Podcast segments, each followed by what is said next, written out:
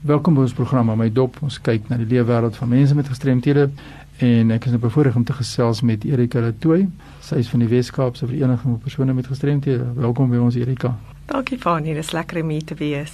Erika, ons praat interessante onderwerp vandag. Jaarliks kyk ons in 'n sekere maand, Maart maand, maar dit word jaarliks, want dit word eintlik hele jaar te wees, maar ons kyk nou Maart jaarliks op Wêreldgehoordag. En ek wil graag by jou hoor van die vereniging se kant. Hoekom word hierdie dag gevier?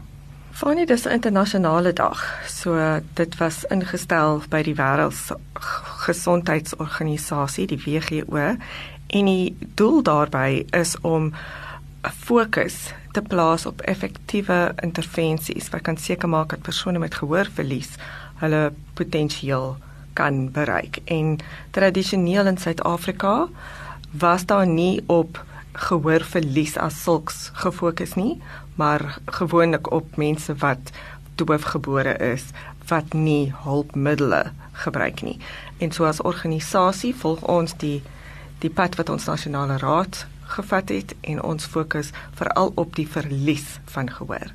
Ja, dis natuurlik nou bejaardes, jy weet as mense kyk na gehoorverlies, dan sê mense oor 60 of 65 is 1/3 van daardie mense het gehoorgestremdheid. Hmm. En oor 70 is 2/3. Die syfers is 'n bietjie minder soos wat 'n mens jonger word, die ouderdomme, maar natuurlik daar's ook weer 'n groot kan ek dit stel 'n toevloei van mense met gehoorverlies op 'n later stadium hier in die 40s. Hmm. As gevolg van die feit dat mense deurlopend na hoë geraas blootgestel is na musiek luister deur iPods en iPads met hierdie goedjies in hulle ore En so ek is baie bly met jou te gesels daaroor, dis baie lekker. En ons tema hierdie jaar in 2020 is natuurlik dwars deur die jaar moet ons kyk na bemoenie jou gehoorverlies toelaat om jou te beperk nie. Nou, verstaan 'n bietjie vir ons dit in perspektief. Wat beteken hierdie kwessie van inperking en beperking en impairment wat ons so baie keer oor hmm. gesels hier by die radio? Funny ek dink, ek het al baie mense teëgekom wat gehoorverlies het en hulle sal byvoorbeeld sê Hulle was baie jonk, dis net in die een oor, hulle leef daarmee saam. En dit is alles goed, dis wonderlik as mense dit so kan doen, maar dit hoef nie so te wees nie. Daar sal as 'n mens nie 'n intervensie kry om dit aan te spreek, sal daar 'n beperking wees. Maar soos jy self weet, is daar baie hulpmiddels, daar's baie tegnologie en daar's baie raad en advies oor gehoorgestremdheid en dit wat kan gebruik word om die effekte te verminder. Ja, maar kyk nou na iemand is nou onafhanklik. Hy leef onafhanklik. Mm. Maar nou soek hy uh, by werk, wil hy nou 'n nuwe aansoek doen vir 'n nuwe werk.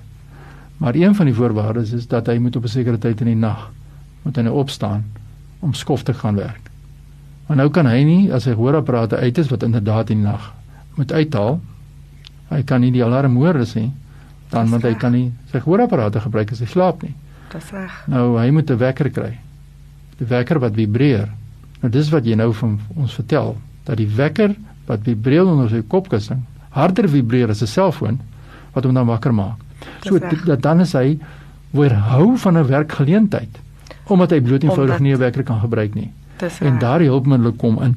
Maar kom ons praat net 'n bietjie oor die statistieke. Ek het nou van die ouer mense verwys maar kom ons kyk hoe lyk die situasie met die jonger geslag rondom die statistieke op uh, gehoorverlies? Funny dit soos jy nou gesê het, die harde musiek mm. en daai hulle noem hulle earbuds in die ore is die grootste geval van is die grootste oorsaak van gehoorverlies. Dis oor die 33% van mense wat gehoorverlies het is as gevolg van harde klanke. Ons noem ja. dit yeah. akoestiese trauma.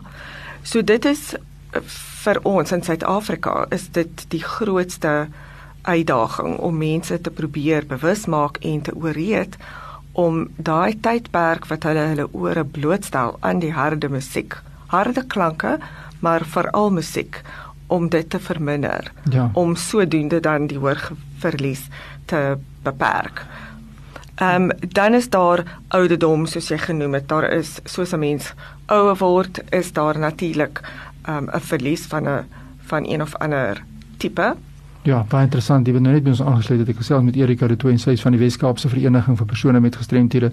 Ons kyk jaarliks is daar gedurende Maart elke jaar 'n groot veldtog oor gehoor en wêreldgehoor dag en ons kyk so 'n bietjie rondom dit want woord eintlik dwars deur die jaar bewustheid te skep rondom hierdie saak en ek het nou hier interessante dokument wat Erika nou vir my wys is 6% van mense tussen 35 en 44 is mense met bewese gehoorverlies. Maar dan spring die syfer na 14% toe as jy mens gaan tussen 45 en 64. So dis verdubbel amper in daai tyd. So jy luister nou harde musiek Erika en later begin dit jou inhaal want jy beskadig jou cochlea, jy beskadig die haarselle en aanhoudende aanhoudend en op 'n ouer ouderdom dan begin dit vir jou vang. En dis wanneer jy nie meer kan hoor in vergaderings nie en dis wanneer jy nie meer kan hoor. Dis absoluut reg die gemeenskap en die kerk nie en dan mm. is dit te laat want jy kan nooit mm. weer daai haarselle vervang nie mm. Mm. en dit is 'n groot uitdaging. So, ons het nou die oorsake kyk Erika, ons program staan einde se kant toe. Kom ons kyk 'n bietjie net na die tipe gehoorverlies enigstens verhoed. Hoe moet ons dit hanteer?